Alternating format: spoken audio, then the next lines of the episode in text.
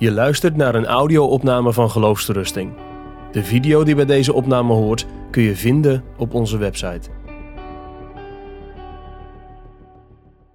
Laat u met God verzoenende.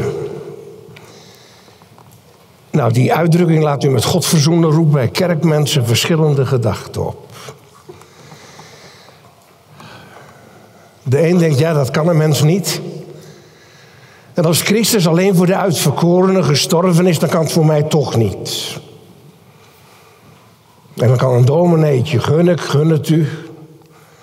Maar wat heb, je, wat heb je daaraan?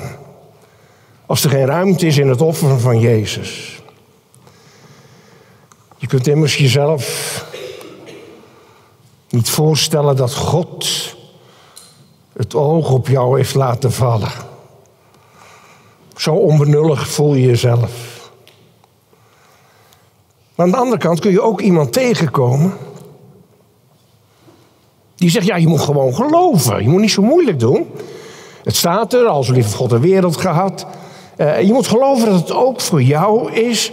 Want de Heer Jezus is voor iedereen gestorven. Nou, daar help ik je ook niet mee. En dat begrijp ik. Want zo'n opmerking klinkt gewoon als algemene verzoening. En daarom wil ik je vanavond en u bij de hand nemen. Loop met me mee. Ik ga u vanaf deze plek niks aanpraten. Ik ga u niks wijsmaken. Maar bent u nou bereid vanavond open en onbevangen uw Bijbel te lezen? Hoe spreekt de Bijbel zelf? Houd de Bijbel er goed bij. En kijk met me mee. In het eerste deel van deze avond kijken we inderdaad dus naar de verzoening in het Oude Testament. Leviticus 16. En in het tweede deel ga ik straks met u naar 2 Korinthe 5. Om te zien hoe Paulus die grote verzoendag en al die elementen die we gehad hebben, betrekt op Golgotha. Misschien vraagt iemand, mag je zo vanuit die offers van dieren naar Christus gaan? Ja, onze Nederlandse geloofsbeledenis zegt, offers hoeven we niet te brengen. Dat is voorbij, dat is de oude bedeling. Maar als plaatjes hebben ze nog steeds hun functie om te laten zien hoe het is en hoe het werkt. De waarheid en substantie ervan blijven in Jezus Christus. En zo hebben ze nog steeds een functie. Het zijn prachtige plaatjes om, om je te laten zien hoe het nou bij God vandaan zit. En zo kijken we nu naar de grote verzoendag. Om daar een eerste antwoord te krijgen op de vraag: voor wie is Christus gestorven? En zoals ik net al zei, als ik die vraag in het algemeen stel, hoor ik de een roepen: hij is alleen voor de uitverkorenen gestorven. En de ander zegt: oh nee, Christus is voor iedereen gestorven. En dan krijg je weer een stem vanuit die theologie, vanuit, eh, uit, vanuit de scholastiek. Die zegt, als, als Christus ook voor de andere mensen gestorven is, dan worden de zonden van degene die verloren gaan twee keer gestraft. Eerst aan Christus en dan aan degene die verloren gaan. Ja, redeneer is de redeheer en de redeheer is God onterend, zit net altijd anders. Dat zal ik laten zien. Geredeneer. Twee standpunten dwars tegenover elkaar. En weet u wat ze gemeen hebben? Ze zijn allebei antropocentrisch. Moeilijk woord. Het is gewoon antropos, de mens in het centrum. Ze concentreren zich op de uitverkoren mens of op de algemene mens. Maar de grote verzoendag is theocentrisch, Theos, God in het centrum. De dag gaat van God uit, is door God in de stilte van de eeuwigheid uitgedacht en gegeven aan Israël. En God zorgt voor verzoening. Nou, dat kunnen we op verschillende plaatsen in de Bijbel overlezen, maar het is met name Leviticus 16. De dag wordt begonnen met het blazen op de shofar. Dat is zo'n lange hoorn. Zo'n koeienhoorn met een grootte van een ander dier. Met een prachtig geluid. Er werd op geblazen om op te richten, roepen. God roept het volk op. Om zich te verootmoedigen en te delen in de verzoening. Israël wordt opgeroepen tot een heilige samenroeping. Op die dag, Sabbat, mag geen werk gedaan worden. Iedereen moet zich concentreren op dat centrale geheim van de verzoening bij God vandaan. En de Heer heeft het ingesteld om de Israël te onderwijzen in de noodzaak van de verzoening, maar tegelijk in de mogelijkheid van de verzoening. Het is een dag om zich te verootmoedigen en verzoening te vinden voor Gods aangezicht. Voor de hoge priester is het een drukke dag. Een hele drukke. Hij moet heel veel offers brengen. In eerste instantie de vijf die wij gelezen hebben in Leviticus 16. En dat zijn eigenlijk twee afdelingen. Uh, allereerst moet de hoge priester verzoening doen voor zichzelf, voor zijn gezin, voor heel het priesterlijk geslacht. Ja, alleen als hij zelf verzoend is, ook een dominee. Gaat niet naar de hemel omdat hij zoveel gepreekt heeft en zo netjes geleefd heeft. Ook een dominee moet bedekt worden met het bloed van Jezus Christus. En, en die hoge priester mag daar niet zomaar dus daar bezig zijn in de heilige dingen. Hij moet beseffen, ik heb het net zo hard nodig als de mensen. Dus eerst twee offers voor zichzelf. En dan drie offers. Als hij zelf verzoening heeft gevonden, kan hij als een plaatje van Christus het werk doen in het heiligdom voor het volk. Dus morgens, op Grote Verzoendag, komt die hoge priester met, uh, we zien wel dominees komen met een koffer, maar dan, dan kwam die hoge priester met twee dieren naar de tempel. Een jonge stier ten zondoffer en een ram ten brandoffer. Die zal die slachten voor zichzelf en de andere priesters. En voordat hij nu actief gaat optreden, trekt de hoge priester naar het bevel van God zich eerst terug. En dan zien de kinderen die erbij zijn hem verdwijnen achter het gordijn. En daarbinnen moet hij zich zijn prachtige gewaad uittrekken. Moet hij, er staat een bad klaar, zich baden. En dan trekt hij heilige witte kleren aan. Uh, eenvoudige kleren, zoals Christus zijn heerlijkheid heeft afgelegd, om in die eenvoud, zonder pracht en praal, het werk van de verzoening te vervullen.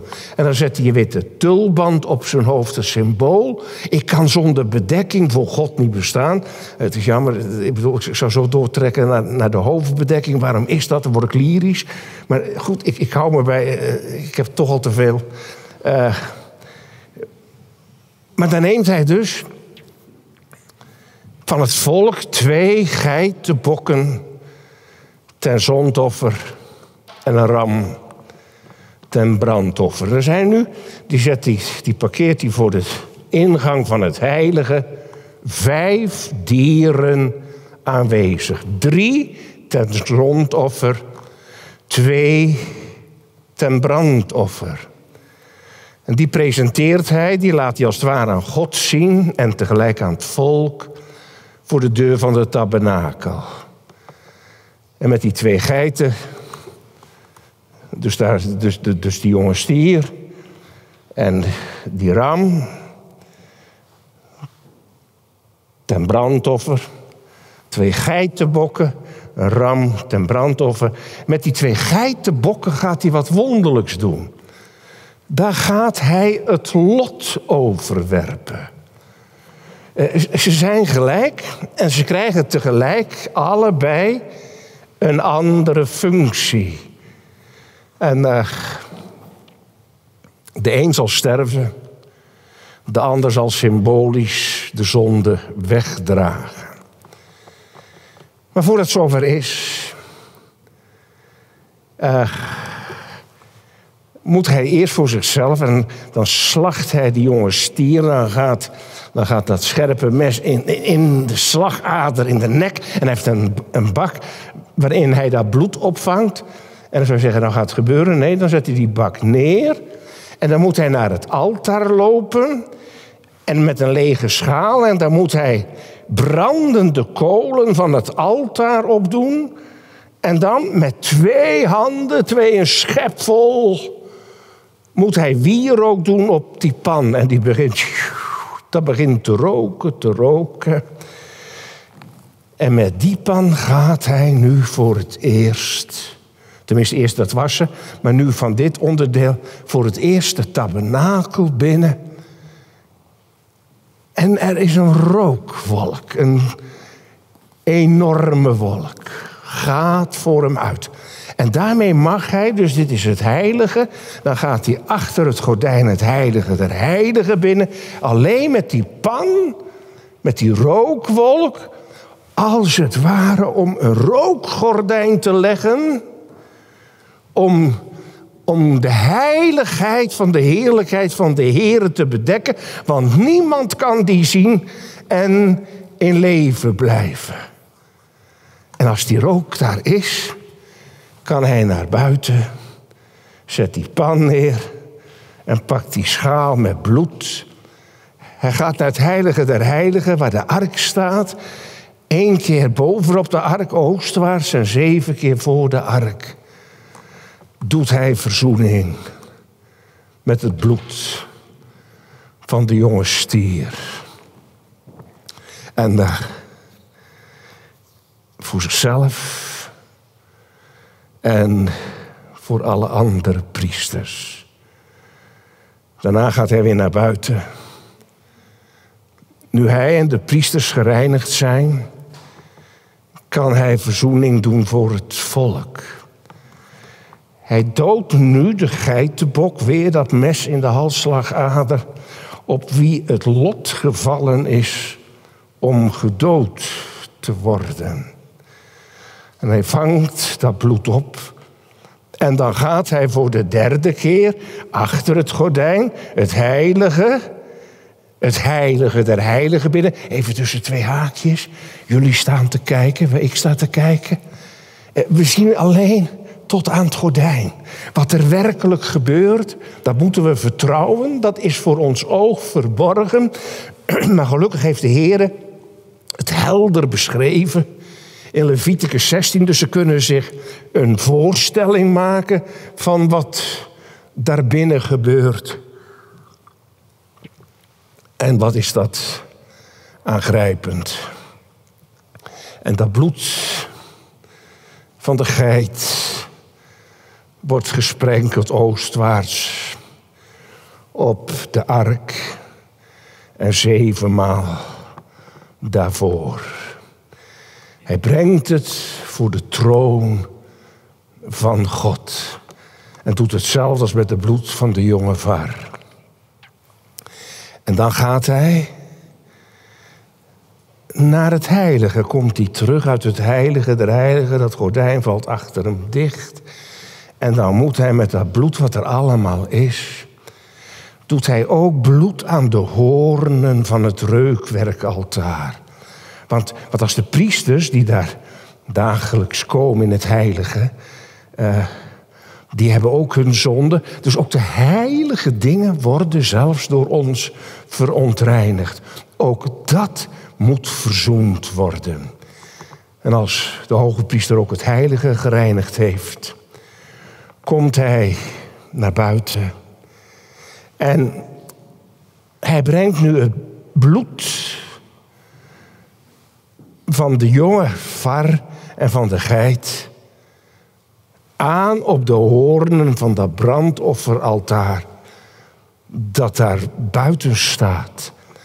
En sprenkelt het ook zevenmaal. De heilige dingen hebben verzoening nodig. En dan de zondebok. Als de hoge priester al deze handelingen gedaan heeft, met het bloed ter verzoening, begeeft hij zich naar die andere geitenbok die daar staat te wachten. En wat gaat hij nou doen? Hij gaat zwaar met zijn handen op de kop van dat dier leunen. En terwijl hij zwaar op de kop leunt, beleidt hij, en let op, dan gebruikt hij drie verschillende woorden. En kijk het thuis maar na, die drie verschillende woorden kom je ook tegen in Psalm 32, kom je tegen in Psalm 51. Hij zegt, ik leg al de ongerechtigheden. Het Hebreeuws geet, gataat, de zonde die het doel doen missen. Ik leg dus al de ongerechtigheden, al de overtredingen, awoon, het verdraaide, het kromme, de zonde en de schuld. En ook al de zonden, pesha, opstand, rebellie van de vergadering van Israël. Op de kop van het dier. En dat zwaar drukken op het hoofd is een symbool van vereenzelviging. Wat er met jou gebeurt, o dier, had met mij moeten gebeuren. Maar het wonder is dat God jou laat gaan in plaats van mij. En dan kijkt hij rond. Jij, dit jaar jij. Ja, die man met die geringe baard, kom. En die moet dan komen. En die moet dan met die geit de tempel uit. Het is nog in de tabernakel. De woestijn in. En als hij een heel eind weg is, moet hij daar de bok loslaten. En dan weet hij, die gaat sterven. En als die man weg is, gaat de hoge priester weer het heilige bidden. Dat bad staat er nog. En hij gaat zich baden. En daarna, dus niemand ziet hem, even tussen, ik het niet laten. Zo is Christus in het graf geweest, afgescheiden.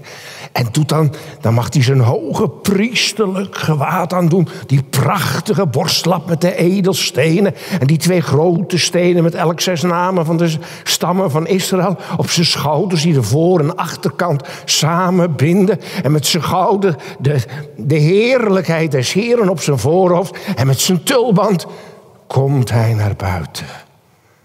Zoals Christus in heerlijkheid is opgestaan. Er zijn nog twee offers. Twee keer een ram ten brandoffer voor zichzelf en de priesters. En voor het volk. En een brandoffer is weer anders, daar ga ik niet uitvoerig op in. Maar bij het brandoffer gaat het niet om het accent van de zonde, maar om het geheim dat in de verzoening wij God aangenaam zijn. Maar er liggen nog twee dode dieren op de grond.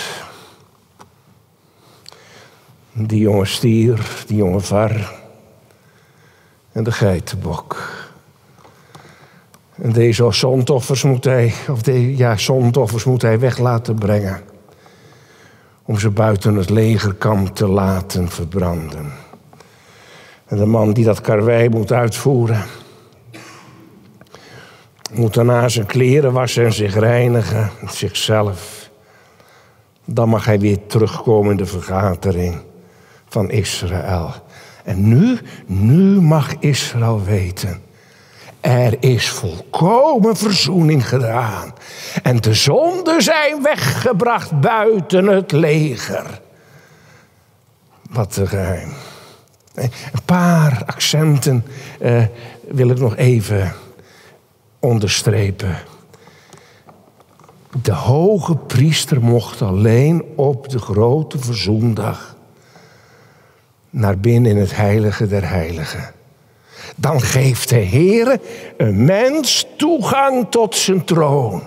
Maar alleen op een bepaalde wijze. Niet van ja, ik zie het zus, ik zie het zo. Nou, zo kan toch ook? Nee, alleen zoals God heeft voorgeschreven. Eerst met die wierook. De heiligheid van God temperen. En dan vervolgens met het bloed van de rund. Wij kunnen niet zonder bedekking voor God bestaan. Bovendien moet je erop letten, deze dag is de toegang maar voor één persoon. Ieder ander die er achteraan huppelt, zegt, nou als hij het kan, kan ik het ook. Die wordt dodelijk getroffen door de bliksem van God. Zoals bij de, bij de eerste keer. De twee zonen van Aaron. Het is een heilige zaak. Maar, maar zo, zoals God het voorgeschreven heeft, kan het. En dan de levende bok. En al de zonden. Leviticus 16, vers 20 zegt dat de hoge priester de levende bok moet toebrengen. Dat hij op de beide handen op de kop van het beest moet leggen. En moet drukken op zijn hoofd. De symbool van identificatie. Waardoor je uitdrukt, oh God, ik zou die bok moeten zijn. Ik zou moeten sterven. Maar tegelijk een omhelzen. Ik mag, hij gaat voor mij. En dan die drie woorden voor de zonde. De zonde, welke gedaante dan ook, wordt op dat dier gelegd. Onze zonden zijn niet allemaal van dezelfde soort. Er zijn zonden van bedrijven, zonden van eh, nalatigheid. Er is de zonde die directe opstand is tegen God. Er is zonde die een grote misstap is. Zonde die onwilligheid en boosheid is. Opzettelijke zonde, ga maar door.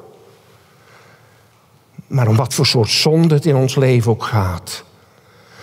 De zonde moet beleden en verzoend worden. En David gebruikte al deze drie woorden toen hij met Bathsheba gezondigd had. En, en dan moet u nog maar eens nalezen dat bij elke zonde staat. Alle zonden, alle ongerechtigheden, alle overtredingen van gans Israël van geheel Israël. 16, vers 21. En dan, weet je wat dat is? Dat is de zichtbare kant van de verzoening. Als die man uit het volk die bok moet wegbrengen. Alzo zal die bok op zich al hun ongerechtigheden in een afgezonderd land wegdragen. En hij zal die bok in de woestijn uitlaten weggelaten. Buiten het heiligdom, buiten het volk. Symbolisch mogen ze zien, daar gaat de zonde. Die gaat weg, die verdwijnt. Die eerste bok die daar sterft, heeft vooral met de verzoening van God te maken, de heiligheid. En die tweede mag het uittekenen dat het voor Israël is uitlaten. Geen vrijlaten, maar loslaten om onder te gaan. Trillend blijft het dier daarachter in de woestijn. Hier vindt hij zijn einde alleen. En de Heer gebruikt in zijn woord woorden die grote ruimte aangeven. Dat kan omdat het bloed voor God is. Voor wie is er bloed? Voor God. In het heilige der heiligen. En in dat bloed en het zien van dat dier dat weggaat, mogen wij vrede hebben. Dat de zonden verzoend zijn door God, bij God en voor God. Wat een ruimte voor de ganse vergadering van Israël. En uh, die man van de zondebok moet zich reinigen. Ja, Calvijn zegt heel terecht. Als die man alleen maar door het wegbrengen van een bok onrein is. Hoeveel te meer worden wij onrein door onze eigen zonde. Maar ook voor die man is er reiniging en verzoening. En dan, ieder jaar moet dat herhaald worden. Ieder jaar. Christus in één keer. Dat wordt geleerd. God liet de verzoening zien, maar de bloed van dieren kan geen verzoening brengen. Maar het bloed van die hoge priester in één keer om u te reinigen. Van al uw zondestaten zult u voor het aangezicht van God gereinigd worden, voor zijn aangezicht. De Heere zegt, je kunt voor mij bestaan. En, en, en dan mag die Israëliet hè, naar huis gaan, gereinigd. En wie deelde daarin? Wie deelde, hoe kom je er nou aan? Weet je hoe je eraan komt? Alleen door te kijken. Alleen door te kijken. De Heere zegt, alle ziel die zich verootmoedigt, zijn de zonden vergeven. Alleen maar kijken. En, en terwijl je kijkt, zeg, oh God, wat er met dat dier gebeurt, heb ik verdiend. Maar dat u dat nou door op dat dier laat komen. Om mij te verzoenen. En ik heb niks gedaan. Lege handjes, zo heb ik staan kijken. Dat is de verzoening bij God. En we gaan straks zien dat dat in 2 Korinthe 5 rechtstreeks doorgaat. Dank je wel. Je luistert naar een podcast van Geloofsterusting. Wil je meer luisteren, lezen of bekijken? Steun dan ons werk en ga naar de website geloofsterusting.nl.